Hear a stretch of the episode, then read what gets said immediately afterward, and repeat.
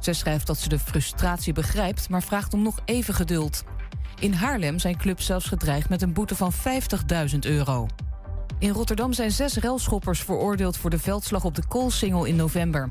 Een man die stenen gooide naar de politie krijgt negen maanden cel, de zwaarste straf tot nu toe. De anderen krijgen tot zeven maanden. Eentje viel de politie aan met een ijzeren staaf, een andere gooide een fiets en een brandplusser. In Rusland moet een jongen van 16 vijf jaar naar een strafkamp... omdat hij in het computerspel Minecraft een aanslag wilde plegen.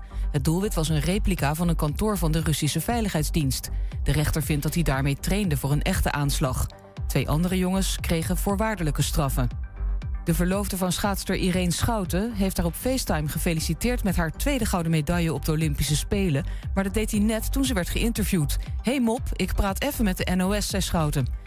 Ze was dit keer de beste op de 5 kilometer en won in een Olympisch record. En dan het weer van Weer.nl. Op steeds meer plekken droog en in het noorden nog wat zon. Vanavond koelt het af naar 2 graden en het gaat harder waaien. Vannacht kans op hagel of sneeuw.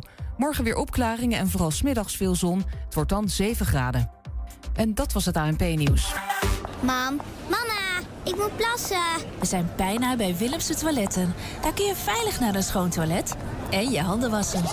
Willemsen Toiletten, het openbaar toilet in de binnenstad van Enschede. Voor een hygiënisch en plezierig bezoek vindt u in de klanderij. Lever na uw toiletbezoek de waardebon in bij een van de deelnemende winkeliers. Scan de QR-code of kijk op willemsentoiletten.nl.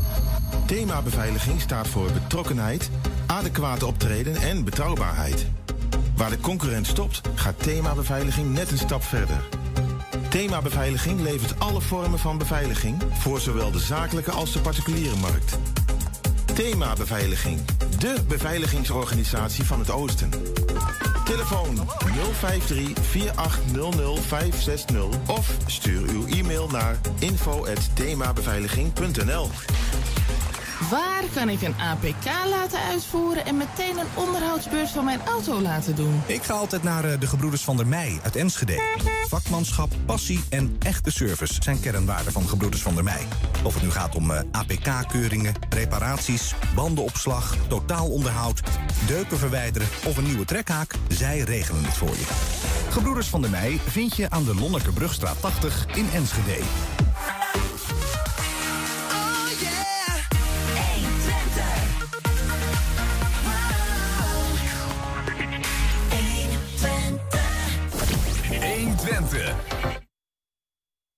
Laten we dat eventjes niet doen. We beginnen gewoon weer lekker opnieuw.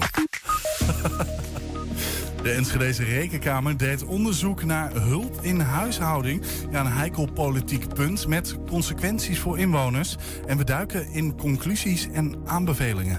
Kennismaken met Misschien je nieuwe school op de fiets. Een fietspetitie naar je toekomst. En uh, op de Hattelen S stortte een F-16 neer. Ja, dat was oud nieuws. Maar daar kun je een mooie film over maken. En verder een vragenvuurtje met de hengeloze GroenLinks-lijsttrekker. Juridische vragen over de stadsverwarming en natuurlijk, want het is donderdag, het Twents kwartier. Het is donderdag 10 februari en dit is 120 vandaag. 120. 120 vandaag. Ja, jaren was er veel over te doen en nog steeds. Hulp in de huishouding is in Enschede wat anders geregeld dan op andere plekken. Um, de plaatselijke rekenkamercommissie liet het uitzoeken en publiceerde vanochtend zijn conclusies. We praten erover met voorzitter van het Diaconaal Platform Enschede, Jan Veldhuizen. Nou, welkom Jan. Uh, stamgast is iets overdreven, maar toch met enige regelmaat. Uh, je bent weer aangeschoven. Ja.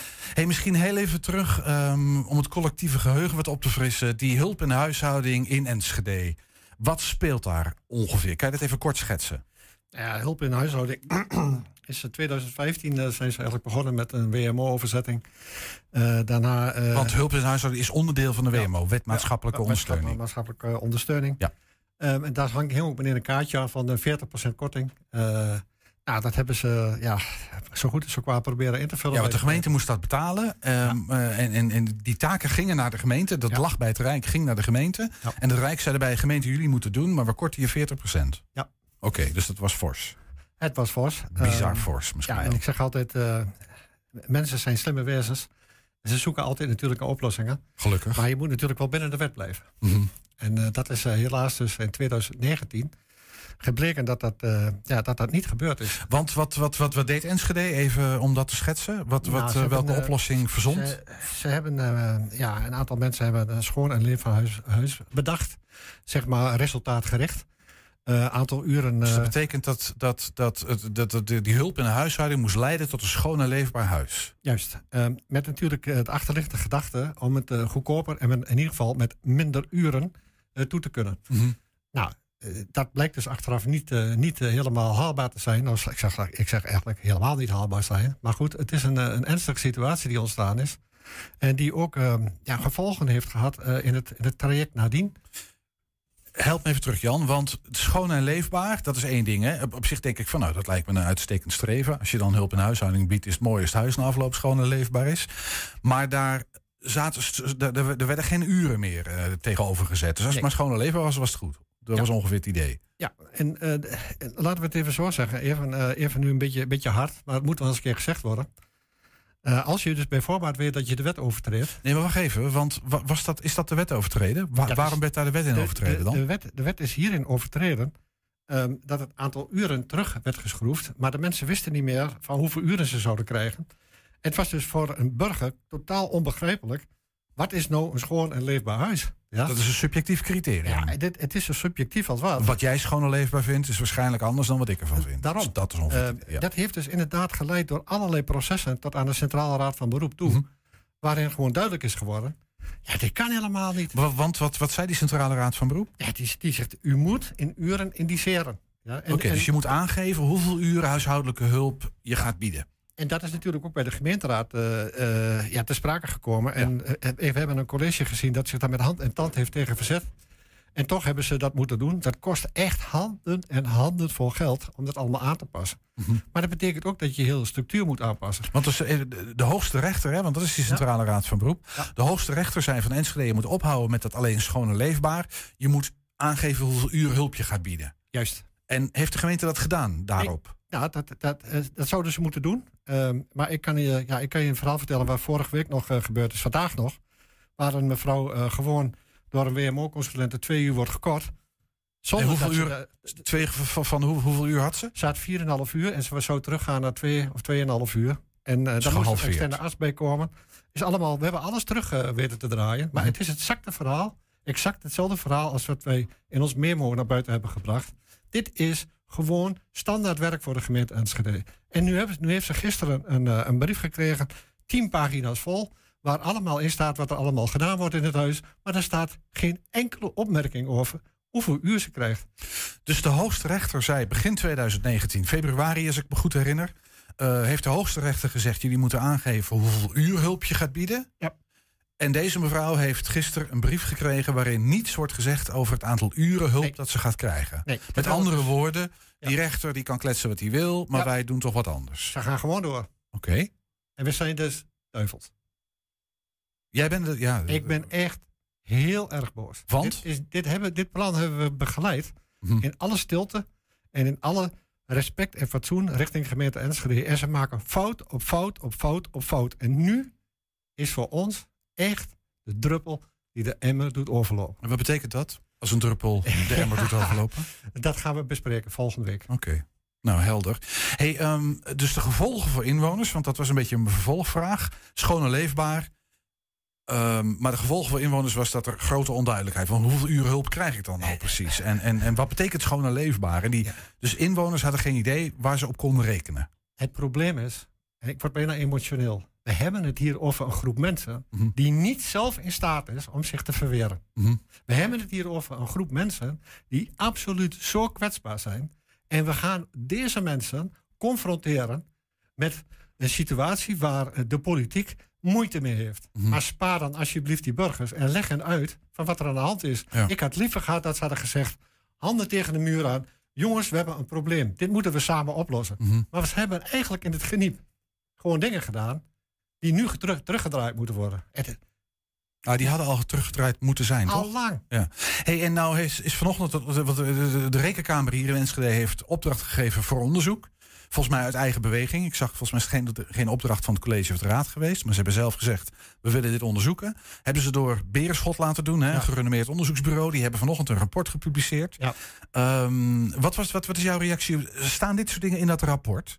Wordt dit aangekaart in dat Ja, rapport? zeker. Oké. Nou, ik moet eerst even een achter, kleine achtergrond vertellen. Ik heb zelf tien keer met, met Berenschot vanuit mijn vorige positie bij een multinational gewerkt. Mhm. Ik heb zelf de vragenlijst op mogen zetten. En als ik dit rapport lees, is het een slapte aanbod, een zwakte aanbod. Waarin Berenschot ook een klein beetje over de scheef gaat. eh, wanneer zij een aantal dingen benoemen die aan de ene kant waar zijn. Maar aan de andere kant het gewoon door laten sloffen. De, de Berenschot zegt niet, steekt niet de rode vlag omhoog. En zegt van eh, stop, ho, hier kan het niet verder, nou Nee. moet het anders. Nee, maar dat komt door de vraagstelling. Als, als wij, als wij, als, als, ik weet bijna zeker dat Berenschot niet gevraagd is, is dit juridisch haalbaar? Oké, dus die juridische vraag is niet per se behandeld in, Nee, de, in het, niet, in het maar die hadden ze wel moeten stellen. Ja, En logisch, logisch dat iemand dat niet doet, want er is angst van voor naar achter. Want wat zouden ze dan wel niet zeggen? Maar luister, Berenschot is in, heeft in opdracht van de Rekenkamer wat gedaan. Hè? Die hebben niet op eigen houtje een onderzoek eh, gedaan. Nee. Maar die hebben een opdracht gekregen van de Ja. Rekenkamer. kunnen hen niks kwalijk nemen. Alleen wat ze gedaan hebben, is eh, een aantal dingen eh, duidelijk maken van wat, wat kan en wat niet kan. Mhm. En daarna geven ze het eigenlijk terug eh, ja, e- eigenlijk aan, aan de raad en aan het college door te zeggen van. Nou, maar als u dan toch op basis van schone leefbaarheid verder wilt gaan, terwijl ze daarvoor de conclusie hebben getrokken Dat het eigenlijk dat, kan. dat, dat kan niet, Mhm. ja, dan spreekt dit elkaar tegen. Dat is Mhm. een contradictie Ja. die ik lees in dit rapport. En wat ik nog veel ernstiger vind, is dat het juridisch gewoon niet klopt. Nee, maar het juridische aspect wordt in dat rapport niet, eh, niet behandeld. Nee, maar dat betekent niet, dat we daar geen rekening mee moeten Nee, houden. dat, dat is een ander verhaal, dat klopt. Maar in het rapport. En, en wat, wat, wat, wat zeggen ze wel in het rapport waarvan je zegt: ja, dit, dit strookte met de praktijk zoals ik hem ken? Nou ja, Want jij het- werkt voor Dierkanaal Platform. Even voor mensen die dat niet weten. Jullie bieden hulp aan mensen eh, die in die sociale regel- regelgeving eh, hun weg moeten zoeken, zou ik Ja. even zeggen. Hè? Dat, dat is ongeveer wat jullie doen. Samen met de Stadsbank. Ja. Ja, oké. Ja, het, het, het punt is, we hebben natuurlijk door de jaren heen ook eh, een heel contingent van advocaten rondom, rond ons heen vergaat. Die Mhm. ons in feite prodeo bijstaan vanwege het werk wat we doen. Mhm. En als we dan met deze mensen praten en we, en we, we horen elke keer wat, wat zij tot ons te zeggen hebben. eh, dan, dan kom ik dus weer terug op dat, dat rapport, wat je die vraag wat je die je hebt. Ehm, en dat het eigenlijk het juridisch niet klopt. Mhm. Dat betekent, even heel cru gezegd, als, als ik ehm, als, als zondaar bij de gemeente kom eh, en ik word eh, naar bezwaar en beroep gestuurd, eh, dan moet ik, moet ik een rechter, moet ik een advocaat in, in, eh, in- inhuren. Ja. En daarna moet ik naar de rechter. En die rechter die beoordeelt dat van wat er in de wet staat. Mhm. Ik word dus als burger afgerekend op wat er in de wet staat. Ja. En deze gemeente Enschede, met alle respect. Ik bedoel, ik heb heel veel respect voor de mensen die allemaal hun best doen. Ja. Maar ze moeten niet over die, over die regels gaan. Want de gemeente Enschede gaat wel over de regels. Hè? De, hoogste uitspraak, eh, de, de uitspraak van de hoogste rechter. Ik heb je net gezegd, ze doen het nog. Ja, ik heb precies. dat rapport van gisteren bij Dus, die mevrouw. dus burgers worden aan de wet gehouden, even los van of het zielig is of niet zielig. Maar de gemeente legt, legt zo'n uitspraak van de rechter kennelijk eh, in ieder geval een aantal gevallen naast zich neer. Ja, en wat doet hij? En dan zeggen ze, ja, maar meneer De Jonge heeft gezegd, als een soort algemeen... eh, En dan heb je het over Hugo de. Jonge, de voormalige minister Volksgezondheid. Ja, bedoel je? Volksgezondheid die heeft dan gezegd, ja, maar we gaan aan een wetswijziging werken en dan komt het wel goed. En ook, ook sorry dat ik het moet zeggen, maar ook Berenschot neemt dat gewoon over, klakkeloos, terwijl die wet er niet is. Ik heb even gebeld met Den Haag vandaag. Met het ministerie van Volksgezondheid. En wat, wat dacht je wat ze daar zeggen? Ja, die zijn druk Ja, geweest we met We corona. hebben twee jaar lang corona gedaan. Ja. Wat denkt u eigenlijk wel Ja. niet? Dus, dus die wetswijziging is nog lang niet, Die eh, komt er nu dus niet in niet. Als die er al ooit komt, Als voorlopig hij, nog er niet. ook, als hij er ooit komt, maar Ja. niet binnen een jaar. Nee, oké. Dus, dus in afwachting van eventuele wetswijziging. eh, ja, wat, en, en Berenschot zegt daar niks over in, in dat rapport. Nee. Nee, maar Oké. Maar, maar wat zeggen ze wel, Jan? Wat zeggen ze wel van jij Nou, zegt wat- dat snijdt hout wat- en wat dat sluit aan bij de praktijk die ik wat, ken? Wat gewoon, wat gewoon helder is geworden, dat deze manier van doen, eh, ehm, eh, dat op, op deze manier de burgers in feite een slachtoffer worden. Ja, en wat nog veel erger is. Want die weten wat. Even los, hè? Ik bedoel, los van de vraag of het juridisch wel of niet klopt. ehm, ik kan me nog voorstellen dat je iets, iets doet je juridisch niet helemaal door de beugel kan, maar dat dat voor mensen eigenlijk wel heel goed uitkomt. Ehm, waarom komen deze inwoners van de stad, die recht hebben op ondersteuning huishouden, waarom komen die in de knel dan? Wat is het probleem? Nou, die komen in de knel. Ehm, in de eerste plaats zijn ze gekort.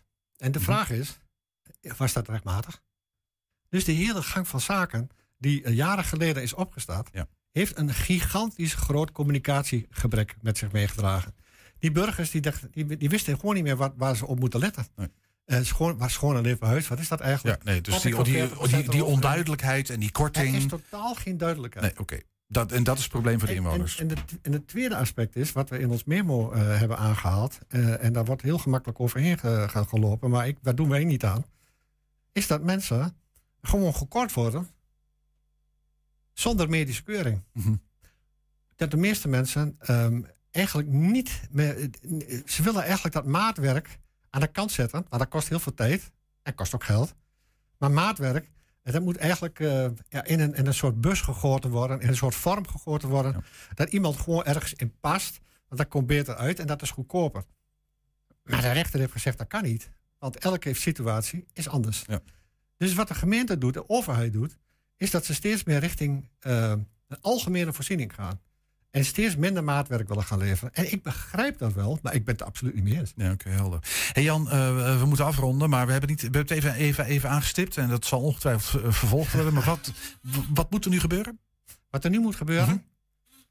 Ik denk dat het hoog tijd wordt, maar dan ook echt hoog tijd wordt, dat politici uit een ivoren toren komen. En gewoon zeggen, jongens, dit hebben we wel geprobeerd.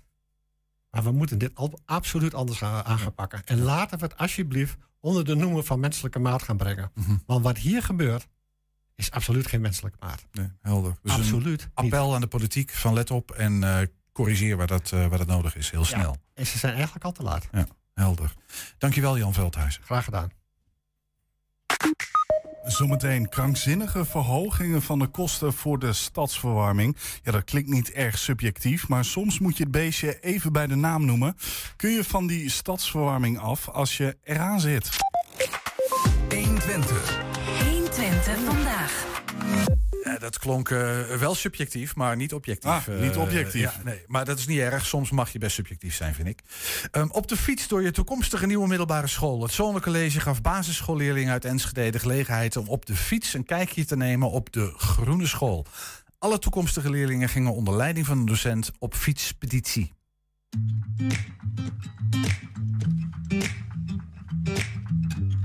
De fietspeditie, wat is dat precies? De fietspeditie is eigenlijk een uniek concept van het Zonnecollege.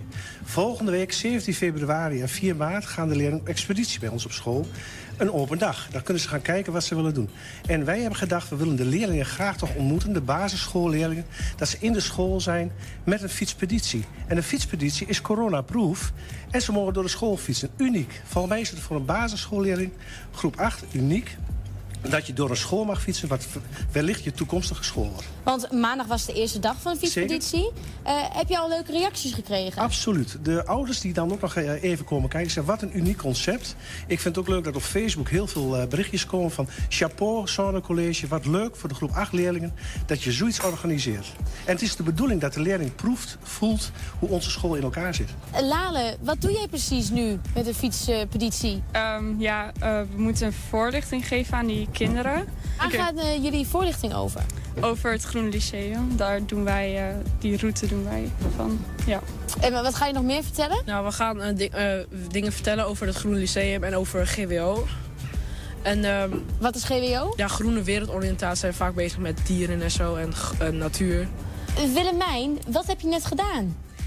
we zijn door de school gaan fietsen en uh, toen hebben we in de uh, kantine hebben we een filmpje gekeken. En toen het filmpje was afgelopen, hebben we wat gedronken. Een, uh, we doen nu een rebus. Je hebt dit om je nek hangen, die rebus. Hoe, hoe gaat dat precies?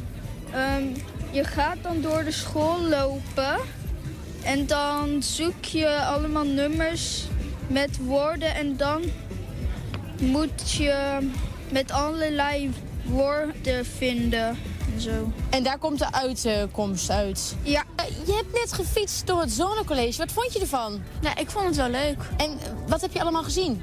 Um, de kantine, ik heb uh, de kluisjes gezien en we zijn bij de dieren langs gegaan en bij de kippen en zo. Hoe zijn jullie op dit idee gekomen? Ja, dat is een soort, uh, ik vind altijd heel mooi wat het Zone doet, een soort brainstorm sessie met onze commissie PR-commissie en dan ontstaat er gewoon iets moois. Iets prachtigs waardoor de leerlingen van groep 8 de school kan proeven, zien en voelen.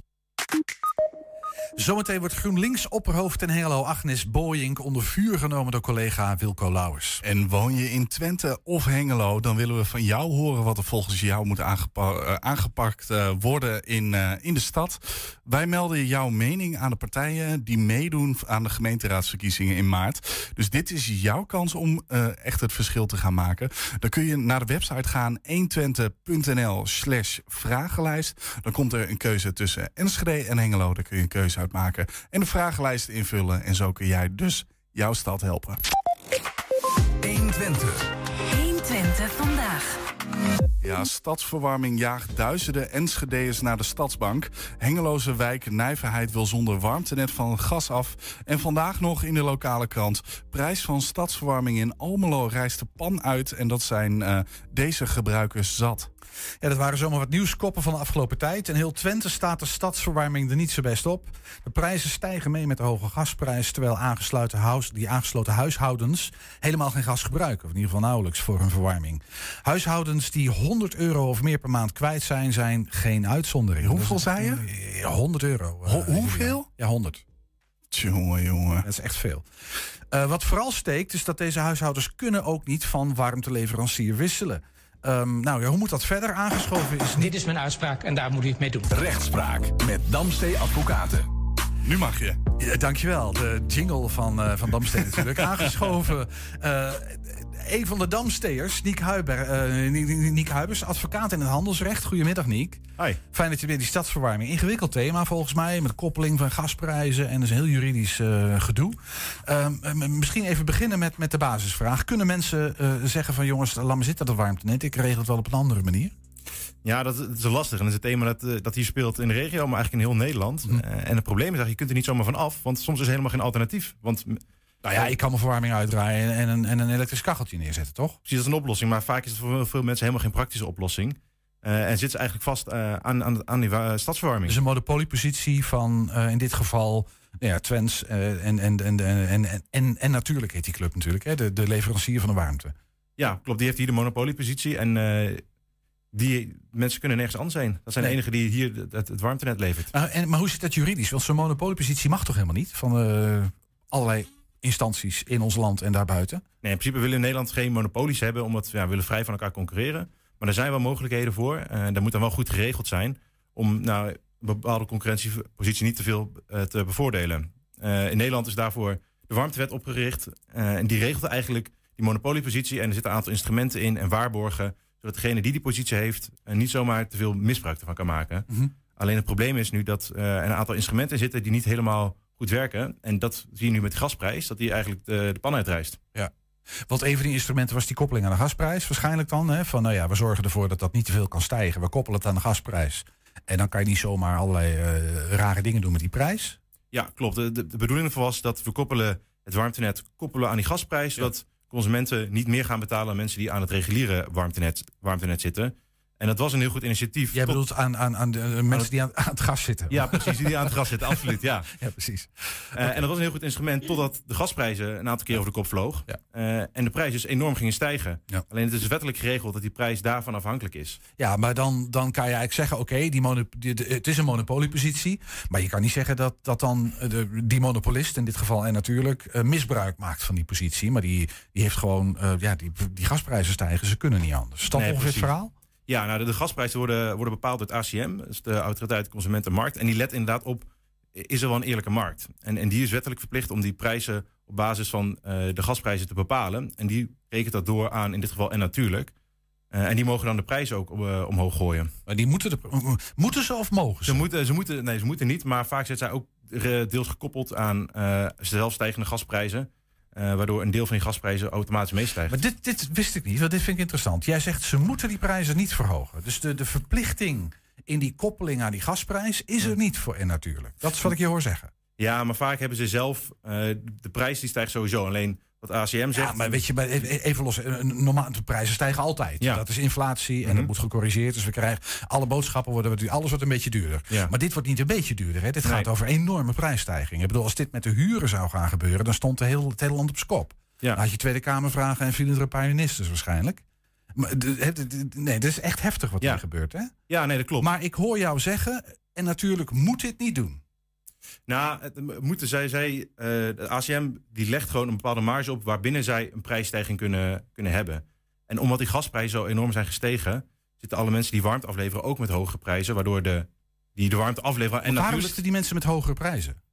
nou, dan moet je even terug, eh, moet even terug naar de basis. Zo'n zo'n eh, stadsverwarming die haalt zijn warmte uit allemaal verschillende bronnen. Dat kan Nou, even heel simpel in Enschede houden. Hè. Dat komt van Twents, er wordt afval verbrand. Dat levert warmte op en dat wordt naar, naar in dit geval Enschede gepompt, Ja. maar ook naar Hengelo. Precies, ja. Dus dat is afvalverbranding. Heeft niks Ja. met gas te maken. Nee, precies. Nou, en, en, en dat is inderdaad het wrange punt hier. Dat eh, ondanks dat- dat wij niet direct afhankelijk zijn van die gasprijs, die prijzen wel omhoog gaan.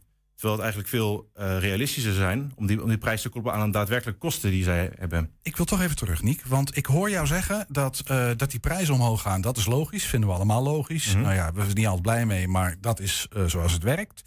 Ehm, maar ik hoor jou ook zeggen dat en natuurlijk de prijzen niet zo ver hoeft op te hogen als dat met die gasprijs aan de hand is. Dus en natuurlijk zou kunnen zeggen, we doen een klein beetje verhoging. we- we- we- want we hebben wat meer kosten en nou ja, dat passen we een beetje aan.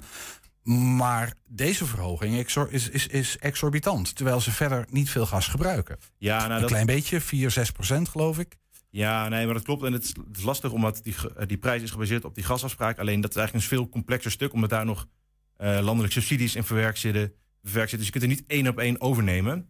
Eh, maar het feit blijft wel dat er een enorme prijs, prijsstijging is. Die, Snap ik. Maar zou, is, is, is er een juridisch probleem in de zin van wij kunnen niet anders dan mee met die gasprijs? Of is het een keus? Eh, nou, in zoverre blijft het eigenlijk denk ik altijd wel een keuze in hoeverre je prijs gaat doorsturen. Maar zo'n eh, energiebedrijf, die, eh, daarvoor is het ook niet makkelijk om in één keer de prijzen niet te, niet te verhogen. Zij zijn ook gebonden aan de regels die het ASM, ASM, ASM oplegt. Oké. Nee, d- d- volgens mij complexe materie, dat is Ja, wel wat ik... Wat ja, ik, wil je niet in verlegenheid brengen Nee, hoor. precies, maar maar het- ik, ik, ik, ik, ik, ben... Dit triggert me wel. Ja, nee, precies. Maar dat komt omdat het, die hele prijsafspraak van energie is gewoon een heel lastig, st- eh, heel lastig vraag- vraagstuk. Ja. Omdat er heel veel verschillende dingen, Nederlands, maar ook Europees, bij meespelen om, om bij, bij, eh, bij het bepalen van die prijs. Dus Snap ik. Nou, dan gaan we nu van het vraagstuk eh, misschien even kort nog richting... Is er iets van een oplossing aan de horizon? Kunnen we dit- hier wat mee of niet? Nou, dit, dit- er is een oplossing, die, die is er eigenlijk. Alleen dat betekent dat de wet moet worden aangepast. Daar zijn ze mee bezig, maar zoals dat al eens vaker gebeurt, eh, kost dat tijd. Het eerste eh, het Ja. idee was dat dat begin van dit jaar zou worden eh, aan, aangepast. Nu lijkt het op dat het in 2023 wordt. Onlangs heeft Rob Jetten aangegeven, ja, ik herken het probleem en we moeten iets snel aan doen. Maar hij heeft er niet bij gezegd van op wat voor termijn. Dus dat blijft altijd lastig. om ja, te kijken wanneer... Maar je zegt de wet moet worden aangepast. Op welk punt? Kan je dat wel aangeven? Waar, waar, Ja. waar, waar moet die wet worden aangepast? Nou, dat, is heel, dat is heel duidelijk. Je hebt de klimaatwet en daar staat in de AC, ACM koppelt de prijzen aan de gasprijzen. Nou, en daar is dus het vraagstuk van waar moet je het aan koppelen? Moet je dan aan de gasprijs of moet je dat ook nog aan andere dingen koppelen? Ja, want het probleem is natuurlijk een klein beetje dat het warmtenet is. Het idee is dat is een duurzame energiebron. eh, en dat, dat moet je, wil je heel graag aantrekkelijk houden voor Ja. mensen. Maar op het moment dat die prijzen de pan uit, eh, uit, uit, uitstijgen. En ik heb toevallig voor mezelf een rekensommetje gemaakt. Als ik een elektrisch kacheltje neerzet, ben ik een tientje eh, minder kwijt voor dezelfde hoeveelheid energie dan ik nu kwijt ben met het warmtenet. Dat is, is mijn rekensommetje, gaan we niet op in. Maar eh, het- het- met andere woorden, ik ben nu duurder uit dan wanneer ik een elektrisch kacheltje zou neerzetten. Ja, het, het, het- En dat, dat, dat, dat wil je volgens mij niet. natuurlijk. nee, en dat is sowieso lastig omdat mensen geen keuze hebben. Ze kunnen ook niet shoppen bij energie, eh, energieleveranciers. Waar ben ik het voordeligst uit? Plus, en het voelt gewoon een beetje wrang dat je denkt, ik heb groene energie, duurzame energie, maar ik betaal wel de gasprijs. Nee, weet je, het voelt een beetje wrang. En dat is voor, een- voor een groep mensen is dat zo. Van, ja, potverdorie, ik moet wel echt veel meer betalen. Maar er zijn mensen die kunnen dat opbrengen. Mhm. Maar er zijn nogal wat mensen hier in de stadsverwarming. Elk tientje in de maand telt mee, hè. En als die nog een jaar moeten gaan wachten... totdat er misschien een wetswijziging doorkomt... ja, die, die, die, die zitten een jaar aan het gas. Ja, ja, dat is hartstikke lastig, want de, de maandlasten die, die stijgen enorm. En op jaarbasis eh, zijn ze klauwen met geld. Eh, dus met de vraag of de overheid hier ook nog iets aan gaat doen... of ze met de compensatieregeling komen.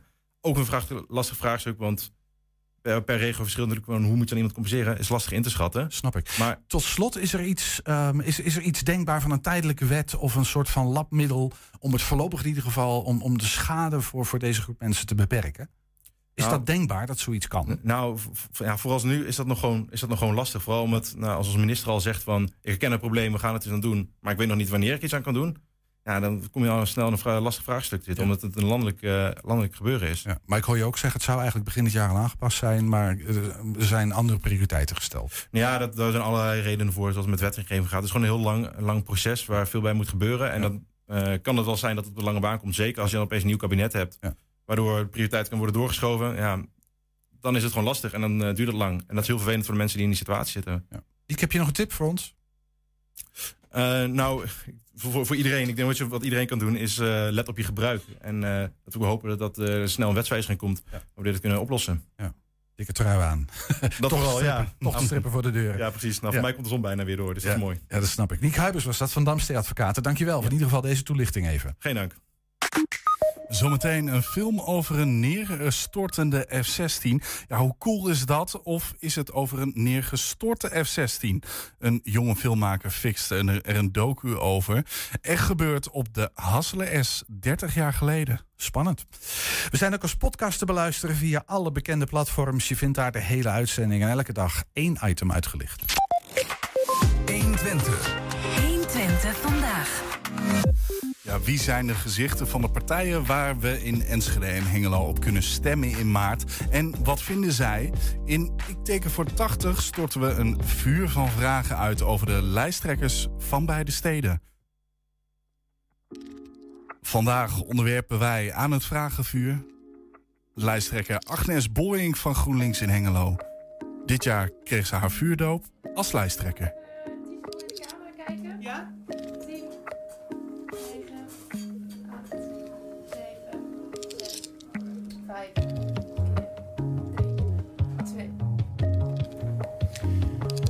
Welkom Agnes Boyink bij het vragenvuurtje. We gaan drie minuten vragen stellen. Dat zijn ja- en nee-vragen of een twee keuze zou er nog tussen kunnen zitten. Het zijn gesloten vragen. Je mag één keer passen. Komen we na de drie minuten op terug. Eh, ben je er klaar voor? Ja, zeker. Dat was de eerste jaar.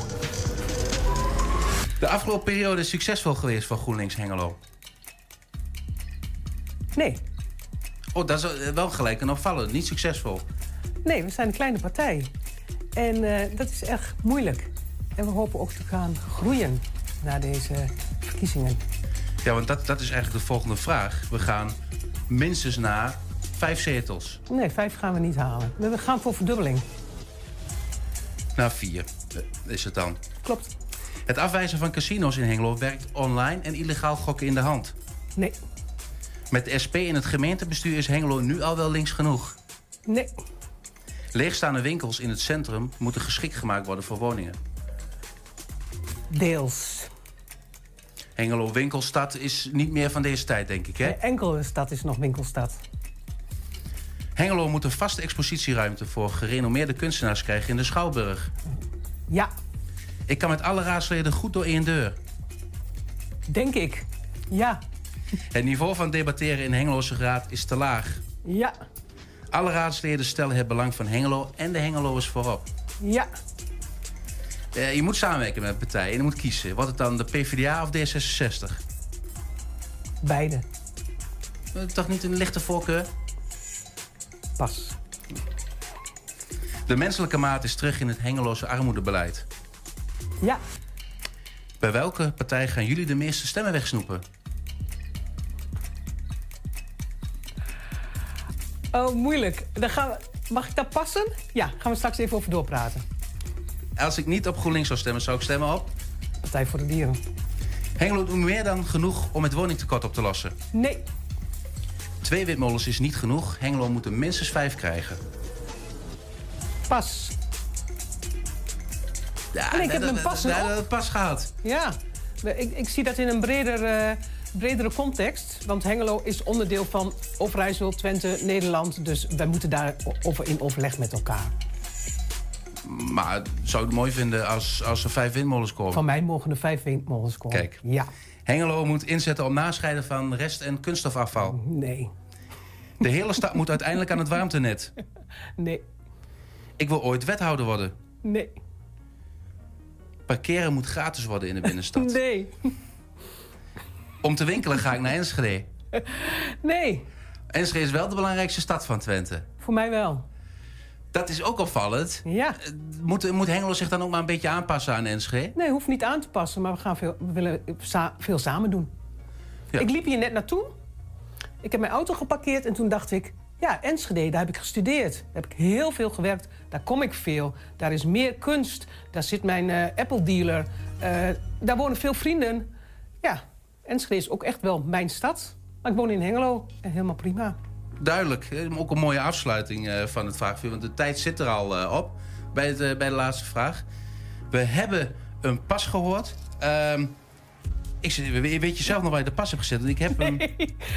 Oh, wat grappig. Ehm, ja, bij die ja, kiezen tussen PvdA en D66. Oh ja, Daar hoorde ik de pas. Ja, nou dat kan ik nu niet zeggen, want ik vind het echt ook ontzettend belangrijk wat de uitslag is straks van de verkiezingen en ook hoe we de onderhandelingen ingaan. De beide partijen passen heel goed bij ons, dus daar, daar kan ik geen onderscheid in maken. We gaan dan echt het gesprek aan. Jullie willen ook echt meedoen in de coalitie. Ja, dat willen we heel graag. Ja. En ook zeker met D66 en Partij van Arbeid. Dan wordt het een wat linksere coalitie. Nou, graag zou ik zeggen. Zeg ik een- Die geef ik een grote ja. Eh, zijn er nog andere vragen waar je zelf op terug wil komen? Ehm, ja, nog even over het kunstpodium in de Schouwburg. Dat was dan een inkoppertje, hè, omdat we deze afgelopen week in de raad gehad hebben. En ehm, wij als GroenLinks, of in ieder geval laat ik zeggen, ik als GroenLinkser, eh, was daarvoor. En we zagen dat als een tijdelijke oplossing. En op maat naar het echte kunstpodium, en dat staat ook in ons programma. Wij willen als GroenLinks 5 ton uittrekken voor een kunstpodium in de binnenstad. Omdat met een stad van 80.000 inwoners is dat wel ja, het minste. Dat ontbreekt er nog aan in Hengelo. Nogal. En dan Dus moet je het eigenlijk maar even eh, in de Schouwburg doen. Of op een andere plek. Eh, precies. Mooie aanloop, want we hebben nu echt heel weinig. We hebben nu weer uitgesteld. Ik heb het vanmorgen gepost op Facebook. Hengelo, kampioen, uitstel. Jammer. Echt gemiste kans. Ja, dat was Agnes Boying dus, frontwoman van GroenLinks Hengelo. De komende weken komen ook de hoofdpersonen van alle andere partijen in Enschede en Hengelo voorbij. Ja, zometeen moet er in Beckham één gebouw komen waarin school, sportclub, buurthuis en kerk een plek krijgen. Om het dorp leefbaar te houden, moeten er in, ieder geval niet alleen woningen gebouwd worden. 120. 120 vandaag. Morgen is het exact 30 jaar geleden dat een F-16 neerstortte in de Hasseler S in Hengelo. Dat het kon gebeuren is bijzonder, maar nog opvallender is het aantal menselijke slachtoffers. Dat was namelijk nul. RTVO zendt vrijdagavond om half negen de documentaire De Hasseler S F-16 Crash uit. Dat is een hele mond vol. Aan de lijn hangt de maker Joost Driessen. Joost, goedemiddag. Goedemiddag. Ehm, voordat we echt even naar die docu gaan, misschien even een, eh, nou ja, een schets van het ongeluk en eh, wat beelden uit die docu. Vrijdag 11 februari, precies 30 jaar geleden. Ja, aan de Dinant Dijkhuisstraat. Er zouden diverse woningen in brand staan over. AC Hengelo voor alle voertuigen. U moet rekening houden met ontploffende munitie. En toen later die Belmer, eh, eh, dat hij daarin ging, toen pas hadden wij, tenminste had ik zoiets van... Oh, wacht, maar dat had ook gekund bij ons, hè? Wat een geluk hebben wij gehad hier. Zo, eh, Joost, het ziet er echt spannend uit. Ja, dat was natuurlijk ook een hele spannende ervaring eh, destijds. Ik was, eh, ik was eh, twee jaar toen ten tijde van, het, van die crashes kun je nagaan. Maar ik ken mensen die daar in die tijd ook wonen. En dit heeft hen eigenlijk altijd bezig gehouden. Dus ja, dat heeft mij ook wel gefascineerd om deze documentaire te maken. Ja, want jij bent, jij bent een, een jonge maker, hè? Hoe, je hebt volgens mij net je leeftijd verraaien, 32. Ja, klopt. Ik ben inderdaad een jonge maker, maar eh, wel gefascineerd door eh, geschiedenis. Omdat het ook belangrijk is natuurlijk eh, om dat af en toe eens aandacht te geven van... nou ja, goed, vliegbasis Twente, hè, daar wordt eigenlijk doorgaans over gediscussieerd... over wat de rol is in de regio. En in 2008 ging natuurlijk dicht en, en van alles speelt daar. Ja, in 1992 dat zo'n crash dan gebeurt, zo'n F-16 in een wijk...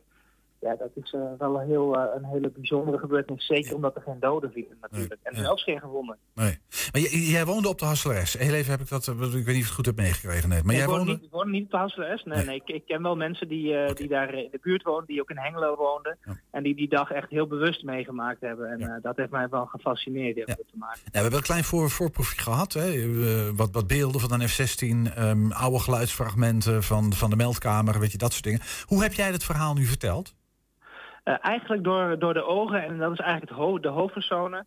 En dat zijn Jeanette en Johan, en die, eh, dat zijn buurtbewoners. Die woonden destijds ook, hadden toen kinderen. eh, en hebben toen eh, dat moment ook echt meegemaakt. En dan zijn er natuurlijk een heleboel mensen ook alweer uit de buurt eh, verdwenen. Er zijn er nog een heel aantal die er wel wonen. Maar eh, Jeanette en Johan hebben echt geprobeerd in te zoomen met die twee... op eh, hoe zij die dag beleefd hebben. En, eh, en wat er gebeurde. Want eh, zoals eh, Johan, die zat met zijn, eh, ja, met zijn kind in de kamer. Ja, en toen gebeurde het allemaal. En het, het was licht en het werd in één keer donker in de kamer. En hoe dat komt. en dat kun je straks zien in de documentaire hoe dat precies in elkaar zit. Ja, het, het moet een, bizarre, eh, een, een, een bizar moment zijn geweest voor deze. Maar überhaupt hè, voor de mensen in de wijk. Er stort ineens een vliegtuig op je wijk neer. Dat, is natuurlijk, ja, dat overkomt niet iedereen. Is, is dit nu vooral geschiedschrijving, zeg maar? Je wilt herinneringen ophalen, mensen aan het woord laten die het hebben meegemaakt? Of zit er ook nog wel wat meer in? Nou ja, het is natuurlijk voornamelijk eh, geschiedschrijving. Eh, maar ja, goed, de, de geschiedenis van eh Vliegbasis Twente is natuurlijk een, ongoing story. Dus die, eh, die gaat eigenlijk gewoon door en daar blijft discussie over. Ja, natuurlijk omdat er van alles speelt en ook een belangrijke rol is met de werkgelegenheid. Dus dat, dat is het deel eraan wat doorgaat en de rest is voornamelijk geschiedenis. Ja, je gaf al aan, hè? Ehm, eh, geen doden en zelfs geen gewonden. Is dat een godswonder? Wat, wat is hier gebeurd? Dat, dat lijkt me bijna. Het is echt midden in een woonwijk gevallen, hè? Ja, zo werd dat destijds wel ervaren. En dat zie je ook. Er komt zelfs eh, veel archiefbeeld zit erin. Dus echt, het is heel veel van toen. En daar hoor je ook mensen dat echt die woorden ja, kiezen. Zo van het is een godswonder dat er echt niks gebeurd is. Nou ja, de, de enige Johan verloor zijn vijf kippen. En dat is eigenlijk de enige verlies die die, die, die eh, heeft gehad. Ja. Dat, is wel, ja, dat is wel een bijzonder momentje dat in de doc geeft natuurlijk ook een, een, een, ja, een lichte grimas. Omdat je dan denkt, goh, ja, hoe, hoe, het leed is eh, wat dat betreft, eh, als het gaat om levens, heel klein. Maar moet niet vergeten dat de schade en ook de overlast voor mensen destijds in die wijk wel heel groot was. En dat echt ongetwijfeld. vier huizen compleet, eh, ja, eigenlijk onbewoonbaar verklaard. Een compleet blok wat opnieuw gebouwd moest worden. Ja, een- eh, er stort een, een, een F-16 neer op je wijk en er is wat materiële schade en vier kippen of vijf kippen hebben het leven Ja. gelaten. Hey, nou vertrok eh, de luchtmacht eh, in, in 2008 van, die, van, eh, van vliegbasis Twente. Eh, nou, eh, bewoners in de Harsteres uh, heel blij, denk ik. Nou, dat valt wel mee, want eh, ook die vraag hebben ze gesteld. Hoe keken jullie nou naar die, naar die eh, vliegbasis? En zij zeiden van, eh, nou ja, wij, wij hebben er eigenlijk ook wel van genoten heel vaak. En, eh, eh, open dagen gingen we eigenlijk met veel plezier heen. Tuurlijk hadden we eh, kritiek als er eh, laag gevlogen werd. En eh, ja, met enige brani werd er soms ook eh, laag over de wijk eh, gevlogen. En eh, dat vonden ze natuurlijk niet prettig. Eh, maar eh, ja, de eerlijkheid gebied te zeggen dat zij ook eh, open dagen bijvoorbeeld bezochten. En dat echt mooi vonden met kinderen naar de F-16 gingen kijken. Ja, de fascinatie van, van vliegen en van vliegtuigen en tegelijkertijd weten dat er ook enig risico aan verbonden is. Maar dat nemen we dan maar op de koop toe. Misschien ook een, eh, een soort boodschap dan bijna. Ja, inderdaad. Nou ja, het, het heeft het, meerdere kanten inderdaad. Dat, Die belichten we ook. Ja. Hey ehm, Joost, eh, eh, d- dank je wel. ik, ik moet eerlijk zeggen, ik ben erg benieuwd. Volgens mij hartstikke mooi gedaan. Ehm, misschien dat we nog wel even een recensie doen of zo. Dan weet je ook wat wij ervan vonden na afloop. Eh, Maar dank je wel voor, eh, voor, voor deze korte toelichting. Dat snap ik. Maar dank je wel even. Bedankt voor jullie aandacht. Goed. Zometeen Adrie Hemming, de engel van... Oh nee, wacht even. E- Even terug nog naar die docu. Je was iets te snel met je bumper. Want eh, ik ben helemaal getriggerd. oh, sorry, sorry. Maakt niet uit. De documentaire is vrijdag 11 februari om 20.30 uur te zien op RTV Oost. En wordt dan om het uur herhaald. Zometeen Adrie Hemming, de engel van de Lutte. En onze juf Twens loodst, loodst ons weer door het wonderlijke Tukkerland. Of beter gezegd, leidt ons door de Tukkerhemel. Al is het maar voor eventjes. Ja, ze vonden het niet erg dat het twee keer gezegd wordt hoor. en heb je nog een tip voor de redactie? Mail dat dan naar info.120.nl 120. 120 vandaag. Beckham heeft nu nog een school en een florerend verenigingsleven. Maar als er niet rap woningen bij komen, is het gauw gedaan met de leefbaarheid. Dinsdag was de gemeenteraad vrijwel unaniem in haar voornemen om plannen voor woningbouw te steunen. Volgende stap is het bepalen welk gemeente, eh, gemeenschapsgebouwen opengehouden worden en welke niet. En over drie weken wordt duidelijk wat er gaat gebeuren met de school, de kerk, de spelzaal en het dorpshuis. En wij namen alvast een kijkje. We staan hier in de sporthal van Beckham. Er moet nodig wat gebeuren aan deze hal. Ja, dat klopt. Los van het feit dat hij gewoon zo klein is om te handballen... eh, ja, is er gewoon eh, veel onderhoud nodig. Het lekt. Eh, de kleedkamers kunnen niet meer goed schoon worden gemaakt. De kantine is heel erg klein. We hebben nu te maken met een, een teruglopend aantal leden. Je merkt vooral bij de jeugd dat het heel moeilijk is om, eh, om nog volledige teams eh, te formeren. Dus als we mogen bouwen, en eh, hoe mooi zou het zijn als we een sporthal kunnen hebben hier. Bouwen is dan woningbouw. Ja, woningbouw inderdaad. Dat je meer mensen in Beckham, meer, leden kinderen, kunt eh, genereren. Ja, dat hebben wij echt nodig, want, eh, want anders hebben we geen bestaansrecht meer als vereniging. Ja, nou, laten we vooropstellen dat het een prachtige school is. Eh, waar kinderen met ontzettend veel plezier naartoe gaan. eh, waar hele mooie dingen gebeuren. Waar we heel positief zijn voor de toekomst. Maar inderdaad is het schoolgebouw wel een beetje verouderd. En aan een opknapbeurtje toe. En daarbij is het hele dorp eigenlijk een opknapbeurt toe, om het even zo te zeggen. Want het aantal kinderen eh, neemt eh, Ja, er is overal krimp hier in Hengelo. Maar Beckham is daar natuurlijk ook wel een voorbeeld van. We zitten nu op ongeveer 80 leerlingen. En ehm, ja, mocht er niks gebeuren, dan zakken we natuurlijk heel langzaam verder naar beneden. En dat is iets wat wij helemaal niet willen. En dan staan we hier voor een kerk. Wordt die nog gebruikt als kerk? Die wordt op dit moment nog gebruikt. En dus één viering en dus in de maand. Met eigen eh, mensen die de viering voorbereiden en de viering begeleiden. 1 juli 22, dus aanstaande 1 juli zal, zoals het bestuur zegt, en dus van het slot erop gaan. We zijn in Beckham al eh, jaren bezig en dus om toch op voor te bereiden op de toekomst. En de toekomst dus is toch iets wat je binnen de gemeenschap... en van zo'n mooie kerk die moet hergebruikt worden. Eh, we staan hier bij het Prachthuis. Het Prachthuis is eh, een eh, gemeenschapsgebouw waar veel verenigingen samenkomen. Vijf jaar geleden zou het Prachthuis eh, sluiten. De, het was toen een beheer van de kerk. En de kerk heeft toen gezegd van wij stoppen ermee. want de onkosten werden te groot. Toen hebben we met een groep actieve Beckhams gezegd van... ja, wij kunnen dit niet zomaar laten sluiten. Eh, we gaan het overnemen met een stichting. En die stichting is eh, inderdaad vijf jaar geleden opgericht... en heeft het, eh, de voorzetting van de, van de activiteiten die hier gebeuren eh, kunnen behouden. Want op 1 maart wordt duidelijk eh, hoe het met de accommodaties gaat, verder gaat. Ja. De, de, er lagen een aantal scenario's op tafel. Ja. Maar het moet in ieder geval een plan worden dat Beckham weer 100 jaar vooruit kan helpen. Ja, kijk, eh, een onderdeel is natuurlijk eh, de woningbouw. Hè. 130 woningen hebben we in november gezegd. Dat hebben we ook uitgerekend. Waarom 130 woningen? Dat heeft ook een beetje te maken met de levensvatbaarheid van die, eh, van die verenigingen. En een tweede voorwaarde voor die leefbaarheid is natuurlijk ook gewoon het verenigingsleven. En ook de accommodaties daarbij. En alle verenigingen, sport, onderwijs, cultuur hebben gezegd... joh, wij willen gewoon samen één plek hebben. Niet alleen een nieuwe plek, maar ook een plek waar we samen werken, samen ruimtes delen. Omdat ze ook geloven dat dat de manier is om ook die toekomst in, in te gaan. Ja, dan moet je wel gaan zoeken van, nou ja, hoeveel meters en hoe doe je dat dan? En waar doe je dat dan? En eh, ja, daar zijn we nu nog heel erg druk mee bezig. Maar daar wordt binnenkort wel een ei over gelegd over, over hoe we dat precies gaan doen. Nou ja, het biedt wel perspectief op het moment dat, eh, dat wij hier veel huizen mogen bouwen. Kunnen we natuurlijk ook uitbreiden eh, qua verenigingen. En dan in een gerenoveerde hal of liefst iets nieuws. Liefst iets nieuws. Ja. Nou, ja, als ik hardop mag dromen, dan zou ik graag een, eh, een mooi nieuw gebouw zien. Met eh, nieuwe voorzieningen, goede ventilatie. En dan zou het natuurlijk geweldig zijn als we kunnen samenwerken met de hele Beckhamse bevolking. eh, met alle organisaties die daar omheen liggen. Ik hoop inderdaad dat het pand blijft bestaan, want het is inderdaad een mooi pand. En van binnen ook eh, is het veel historische eh, tekeningen en muurschilderingen. En het is echt wel eh, het is echt een, ja, ik vind het echt een prachtig gebouw.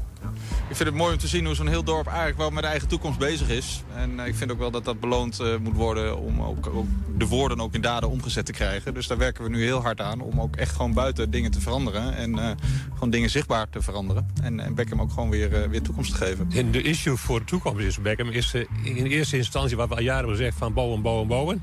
Maar dat zegt in principe dus elke kleine kern. Maar dat is heel, hier heel specifiek van, van belang, omdat het plus minus 15 jaar in, st- in stilgelegen is qua bouwen. Eh, de gemeenteraad heeft in de omgevingsvisie buitengebied vorig jaar ook al wel gezegd... Hey, die leefbaarheid in Beckham, daar moet echt wat aan gebeuren. En hebben we gezegd, enerzijds de woningen, anderzijds ook die, die voorzieningen. Hè. Dat zijn ook de twee pijlers die ook met elkaar te maken hebben. En wij hebben gezegd, nou laten we dat nou eens concreet maken in aantallen woningen... maar ook in vierkante meters MFA en ook het commitment van al die verenigingen daarbij. Ja, en de boodschap aan de politiek zal ook zijn, joh, dit wil Beckham, dit willen we graag ondersteun dat, omarm dat en help ons de komende maanden om dat verder uit te werken en ook tot werkelijkheid te brengen. En dat is ook de boodschap die, we, die Beckham straks aan de politiek heeft. 120. 120 vandaag. Het is weer zover. Eh, dat waar ik me donderdagochtend elke, el- elke op verheug als ik aan het ontbijt zit en mijn boterhammetjes eet en zo. Het Twents kwartier, net een stuk, een stuk absoluut gelul, want ik zit hier meestal niet. Eh, Het is meestal eh, Niels eh, zijn zijn- zijn voorrecht. Maar je wou vanochtend wel ontbijten hier. Ja, daar had ik het over. Ja, ze zag, zag er zo gezellig uit, die redactietafel vol met mensen. En ik denk, joh, een kan koffie erbij, wat broodjes en klaar zijn we. Dat lijkt me heerlijk. Daar gaat het niet over. Nee, Twents, wij gaan Twents kwartier doen. Ja, dat doe En dat doen we zoals altijd met, eh, met juf Adrie Hemming. Ja, dat juf moet hem misschien maar aflaten. Ja, dat, je dat, niet? dat, klinkt zo hè? Oh, ja, het wordt klinkt zo En ik ben ook eigenlijk helemaal niet... eh, eh, hoe zeg je Je zoiets? bent geen juf-type. Nee, nee, nee, helemaal niet. Nou, het zal wel een vrolijke Niemand luistert naar mij, de- zelfs de hond niet. Ik, ik, weet, ik, weet niet of het, ik denk dat de kwaliteit van het onderwijs er misschien best op vooruit zou gaan. Hoor, dat Ja, maar ik, ik, ik hou van Polonaise, dus dat kun je altijd inzetten Dat is wat ik natuurlijk. bedoel. Ik, ik, eh, I rest my case. Ja. Maar voordat we, we... We gaan even terugkijken naar vorige week. Want vorige week heb jij ons eh, vier eh, woorden eh, voorgeschoteld. Ja. Ehm, en ik heb dat best aardig gedaan, geloof ik. Maar even een her- her- herhaling. Een, eh een striekveer. Ja. Ja, dat was iemand die eh, graag pronkt met... eh, Ja, het is geen pronkster voor de mensen die nee, meekijken, maar nee, een nee, pronkster. Een pronkster, een vrouw die, die pronkt, ja. Nou, de En dat strikstok? strikstok, dat was een breipen van Ja. strikken van, van breien. Hè? Mooi, ik vind In het een mooi woord. Ja, mooi hè. En dan hadden we een beteun, dat is schaars, of eigenlijk duur, omdat het schaars is, laat ik maar zeggen. Bijzonder, kun je het ook wel zeggen. Ja. Jij En bent dan- beteun. Ja, ja, dat hoop ik. En dan hadden we, oh ja, flant- flantuterie, dat is natuurlijk poespas. Ja, wat mooi woord, hè? is, de- de- een Is van dat de- van, eh, van de Nemo's of Ja, Nemo's Kom- kom- Flantuur. Komt dat daar vandaan? Ja, dat komt er van, ja. No- Ik heb wat onthouden, jongens. Ja. Heel goed. Maar Ernst, het, het, het daalt wat langzamer in, maar het blijft als het er zit, dan blijft het hangen, toch? Als het goed Ja. is hebben wij, eh, maar we moeten denk ik even de tijd volpraten, maar we moeten even een gast de studio in. eh in Ja, in- maar in ik denk, ik denk dat ze niet doorhebben dat, Nee. ze, dat ze de studio in moeten. eh, Nee, maar moet toch nog eerst... Nee. eh, oh nee. Nee, zijn, zijn, zijn, zijn met Ze- eraan. Nee, ze hebben het gewoon niet door dat er iemand... eh, ja, er moet iemand... eh, eh, ja. Misschien, eh, misschien heel even kort, eh, want wie heb je meegenomen? Ja, Marlies Nijhuis, hè. Dat, is, Dat zegt eh, mij niks. Ja, Marlies is eh, een, een eh, voor mij heel bekende eh schrijfster ook in Twents. En van de Kring voor Twentse Spraak. Ik zal Oh. zelf wel even zeggen. Marlies, eh, je moet me even voorstellen. Ja, Adrie was een mooie weg, eh, Marloes. Eh, dankjewel. Of Marlies is het. Hallo, ja. Hallo. Ja. Maar ik hoor Twentse schrijfster. Ja, ook. Ook. Ook. Maar je doet nog veel meer dan dat. Ik kan nog veel meer. Ja, Wat kun je nog meer dan? platbrood. Pla- ja, dat heb ik wel gehoord. Nee, ik ben... Moet je, want je mag wel heel, heel je dicht even op de microfoon. lekker op Dat, die kruk zitten, installeer je ja, even. we, we, we hebben alle tijd... eh, Hartstikke nee, hebben we nooit eigenlijk. Nee. Want, eh, Marlies, je kunt nog veel meer, maar, maar eh, Ja. je bent hier met een, met een missie gekomen, begrijp ik. Ja, ik werd vanmorgen gebeld door Adrie. En, eh, nou, die zegt van... eh, Met een hele jij- lange missie. Ja, nee, maar eh, ken jij nog een, een, mooi Twents woord of zo? Van, ja, waar je herinneringen aan hebt. Ja. Maar heel Ja. even, Marloes, want, waar, waar, want Twente, Ja. ik, ik, ik- nu heb ik Marloes in mijn hoofd. Ik ben niet zo goed gekomen. Marlies. Marlies. Marlies. Marlies, ja. Marlies. Ja. Waar woon je? Eh Buurzen. Buurse. Ja, je- daar kijk je aarzelend bij. Ja. Ja. Heen nog stiekem ergens anders een huisje. Ja. Ja, dat dacht ik. Ah, zo. Maar Kom uit Buurzen. ken je nog een mooi Twents woord? Dat was de Ja, vraag. want eh, elk jaar als ik eh, bij de zuivelhoever eh, kom, dan zeg ik altijd van, eh goh, doe me maar een mooi stuk eh blootkook en wijtengoot. Blootkook en, en, blootkook en Wijtengoot. wijtengoot. Dat En ken ik dan niet. kiksoa. Ja, dat is, Jawel, kennen jullie wel. Ja, Ik denk, ik denk dat, dat het in de tasje zit, of niet? ja oh, Twentse bakworst. Ja, is dat is bakleverworst. blootworst. Bakleeuwen. Bakleverworst. Bakleven. Bakle bakleven heet dat hier? Oké, nee, ik ken Ja. het alleen als bakleeuwen. Ja, dat is wijten, wijtengoot. En staat ook in, eh, in het boek van eh Taal van Haaksberg. Oké. Ja. Werd bij ons thuis altijd gezegd. Ja. En eh, ja, als je dan eh, op de ingrediënten eh, kijkt, dan staat er ook boekwijdmeel Oké. in. Daar zit, zit ook het woord wijd, wijten. Het Duitse woord weizen. Weizen Weizen. zit daarin. Oh, dat Zit ken ik wel, ja. Oké, Ja. boekwijd. Maar het, het is wel toch worst ook echt? Leverworst? Ja, En, ja, het is en, veel maar eh, nu we nu het over leverworst, en het, het is misschien een, een, vraag vanuit niks. Hoe zou je het noemen als het vegetarisch eh, leverworst is? Gra, grazeter of zo, of wat, eh, groen, groenvreter. Dan zeg je precies hetzelfde. Alleen is het worst met DT, denk ik. Mooi met eh. Ja, maar is dit, Ja. is dit wat jij zei, bleut, Blootkoken blootkoken en wijtengoot. en wijtengoot. Ja. En blootkoken, wat is dat? Dat is bloedworst. Ja, Ja, bloedworst, oh, maar eh, dat maar- is eh, die andere variant. Oh, dat is de andere variant. Dat dit is is, dit is bakleverworst en dan Ja. hebben we... Ah, dat, Dat is is bloed. dus deze. Dat is die. Ja, maar er staat ook Twentse bakworst op. Maar dat is echt, echt bloedworst. Ja. Twentse bloedworst. Ja, en die moet je ook- eh, bloed opbakken. En vroeger bij ons thuis, zeg maar winterdag, werd dat s'morgens werd dat opgebakken. S'morgens? Ja, s'morgens. Als het heel koud was. Ja. Oh, heerlijk. Ja, vind je het lekker? Lekker. En, eh, de, en één keer, in de je zei één keer in het jaar bij de zuivelhoeve. eh, Dat eet je één Of, keer per jaar. eh, ja, als ik er kom, dan, dan neem ik gewoon een stuk meer. Het kan ook in de diepvries. Hè? Dus, En dan kun je er gewoon plaatjes van maken. En dan kun je dat opbakken in de pan. Ja, en, en Marlies, heb je, heb, je, heb je kinderen? Ja. En, en schotel je die dat voor? Ja, hij heeft het eh, denk ik wel eens gegeten. Ja. Is, eh, overleeft dit de generaties? Jawel, jawel. Zijn die ook jawel. enthousiast? Jawel, jawel, dat overleeft ja, zeker. Oké, nou gelukkig, want folklore moet in leven blijven Ja. natuurlijk. ja. Ehm, en je, je, schrijft ook en je doet iets met gedichten, begrijp ik ben, eh, ik ben penningmeester van de kring van de Twentse Spraak. En eh, wij brengen dus eh, vier keer in het eh, jaar een, eh, een kwartaalblad uit. Een bordbrief. Precies, en dan schrijf Die is helemaal in het eh, blad. Helemaal in Twents. Zelfs de adverteerders ook. En, eh, we, we- we sluiten zo af, want het is al veel te kort hier. Maar je hebt een, een bordje meegenomen hier zo. Zie ik voor je liggen. Ja, Wat is dat? die mag jullie hem. Die mag je neerhangen. Oh, dat is mooi. Komt erin, dan kun je erin kijken. Ja, komt erin, kun je erin Ah, mooi. Maar dat is misschien wel een mooie voor die grote ruiten. Ja, dat lijkt mij uitstekend. We hebben zoveel mensen die aan de andere Ah, kant hier naar binnen kijken. Oh ja, Eh, ja. Dus, eh, dus dat is wel een hele leuke. Maar wat een, wat een mooi dank daarvoor. Dankjewel, maar je, je greep naar je tasje. Ik wil je toch de gelegenheid geven. Wil je nog één ding laten zien? Even kijken. Wat hebben we nog meer? Ja, er zit nog in, hè? Dat is toch ook echt Twents met, met wit hoorn? Bordbrief. Dat is een blad dat jullie uitbrengen vanuit eh, de. Kring voor de Twentse Ja. Spraak. Ja, precies. het jaar. En eh, we hebben een eh, webster. En we hebben Facebook. En we doen één keer in de maand een, een prijsvraag op Facebook. Als mensen En meer willen weten, waar, waar moeten ze kijken? Noem eens die websitepagina. Waar, waar mensen naartoe moeten. www.krink.nl Krink. Ja, en dan op, op Facebook. En even voor de, voor, de, voor, de, voor, de, voor de importtukkers. Hoe, hoe schrijf je Krink? K-R-E-E-N-K. K-R-E-E-N-K. Ja. E K-R-E-E-N-K.nl. Krink. Krink, dat wil zeggen kring. Kijk, dan leer je alles over de Twentse spraak. Ja, dat kan. Dankjewel, Marlies. Graag gedaan. En dan gaan we nu naar de quiz, want het is alweer tijd voor de nieuwe woorden. Ernst, heb je er een beetje zin in? Eh, je, we- we- ik, eh, je kan mij zomaar eens ook verslaan vandaag, want ik denk dat ik best een goede dag heb. Nou, ik, ik, ik, eh, dan heb ik er niet zoveel zin in, Julian. Nee, ik ben Nee, dat is dan ook wel weer zo. eh, wat, eh, wa- wa- Oh, Oké, dat is heel even een vraagje naar de techniek. Is er een microfoon? Eh, Nou ja. Zo ja, nou ja, dan zal er even geremd moeten worden. Dan doen we het gewoon We doen het wel zo, dat is makkelijker. Eh, want jij hebt een paar nieuwe woorden voor ons. En die hebben wel iets te maken. Wat, wat wie die wasten hoort. Ja, Ja, precies. tenminste, dat heb ik geprobeerd. Ja, kan je de microfoon iets naar beneden doen? Oh, jawel. Dan wordt het een Jawel. beetje duidelijker van. Ja. Ja, ik weet niet of je dat wilt, maar... eh, Ik ga ik niet op in.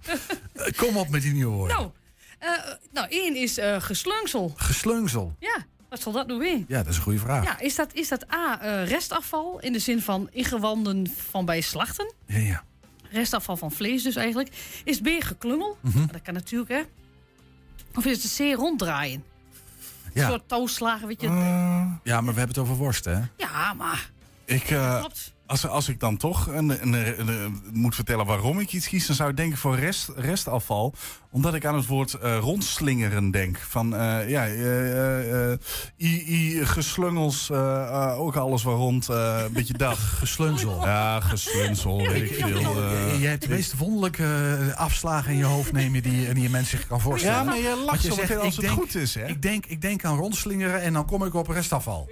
Terwijl de ronddraaien staat. Ja, maar dat is dan toch... Dat, ja, nee, ja, daar heb je dan ook wel weer gelijk in. Ik ga voor A en ik ga voor Want restafval. geklungel kan natuurlijk ook voor Hans Worst, hè. Dus Ja, maar ge, ik- geslungsel, ik denk toch slung, dat klinkt een beetje als ingewanden. Geslungsel, dat is rotzooi dat op de grond ligt uit die ingewanden. Ik denk restafval. Vullen wij in antwoord nummer A. Adrie, vertel het ons. Het is goed, hè? Ja, jongens, helemaal goed.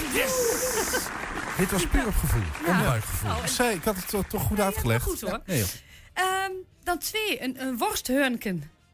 Ja, Ja, een worsthurken. Een worsthurnken. Wat zal dat nu weer, zeg je Ja, er is, nou bij? dat, is dat van die kleine knakworstjes? Weet je wel, horentjes achter. Die, ja, je kent horentjes wel, ja. Dat zou kunnen, hè, kleine knakworstjes. Ja. Heel logisch. Is het, eh, of een trechter, Huh? waar je dus worst doordrukt om in de, in de darmen als worstje eh, te maken. Oh, ja, of is het ehm, een vleessoort? Vleessoorten. Vleessoorten. Worsthurken. Ja, ik, ik, ik, eh, hurken, dat is een horentje, dat is een hurken, dus ik denk horentje. Worsthurken, dat is dus een horentje waar je het vlees doorheen duwt. Ik denk het rechter. Ik denk precies hetzelfde. Oh joh, wat zijn wij met elkaar Oh, in- Ja, nou ja, ik kan wel een ander antwoord geven wat fout is. Maar eh, ja, nee, dit is het goede antwoord. Dus Adrie, vertel het ons, al nummer B. Het is hartstikke goed natuurlijk. Ja, helemaal goed jongens. Het is te makkelijk dit keer, hè? Ja, maar je spaart me een beetje. Dat vind ik wel lief van je. Ja, maar ik, ik, dat- ik ben ook de engel, hè? Dat Zij zei net zegt, dus ja, Ja, dat, dat, dat de- ik daar uh, aan gehoord absoluut. natuurlijk. Ja, de- Eh, maar deze is moeilijker. Ehm nergelgruus. Nagelgruus. Ja, nergelgruus. Ja. Is dat A, is dat een veel? Aha.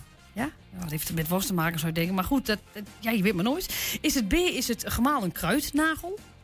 Ja. Of is het C, nagellak? Ja, nagelgruus. Ja. Ja, gruus is gruis. Nagel, dat is denk ik toch van de nagel. Dat is volgens mij... Ik, ik, ga, ik ga toch voor B, gemalen kruidnagel. Dat is wat, dat, wat, Ja, wat is. d- dat, het, ja, dat klinkt eigenlijk zo logisch. Ja, ik, zit, er- ik ben heel erg eh, geneigd om voor AFL te gaan. Maar eh, eh, Doe eens gek, Ik, ik doe eens gek. Ik ga voor antwoord AFL. Dus we vullen in antwoord nummer B. En Adrie, vertel het ons. Is het goed of is het fout? Ja, het is toch wel goed. goed. Dan hebben we het gehoord. En dan heb ik nog wat... kan ik nog iets vertellen, heel kort?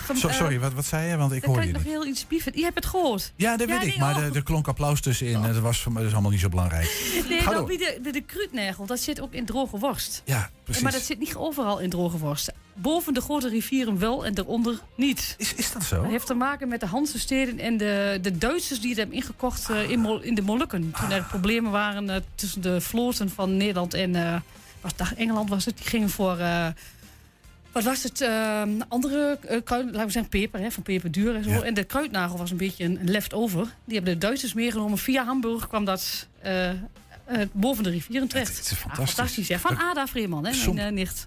De informatie komt daar vandaan. Oké, ja, ja, ja, precies. Er komt Dus- toch iets goeds uit dat soort ellende voort. af en Ja, toe, zeker. Het is lekker, hè? Ja. Maar we zijn er nog niet, want eh, het staat momenteel 3-2 voor Ernst. Maar ik kan er nog 3-3 van maken. En dat is namelijk met het Twentse woord van de week. Emma ging de straat op.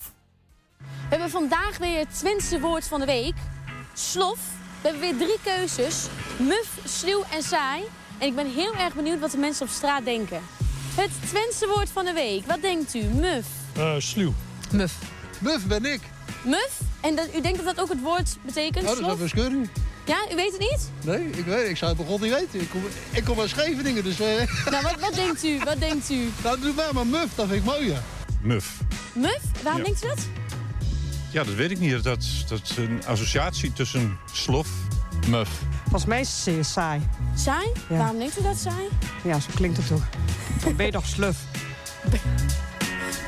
Meneer het slof. Het Twentse woord van de week. Wat denkt u dat dat betekent? Eh Pitoffel. Ja, nee. Oh, nee. Maar als u kijkt op het bord, dan Slof, muf. ja, slof. Eh, Koekjes kunnen ook slof worden, hè? Muf. Saai.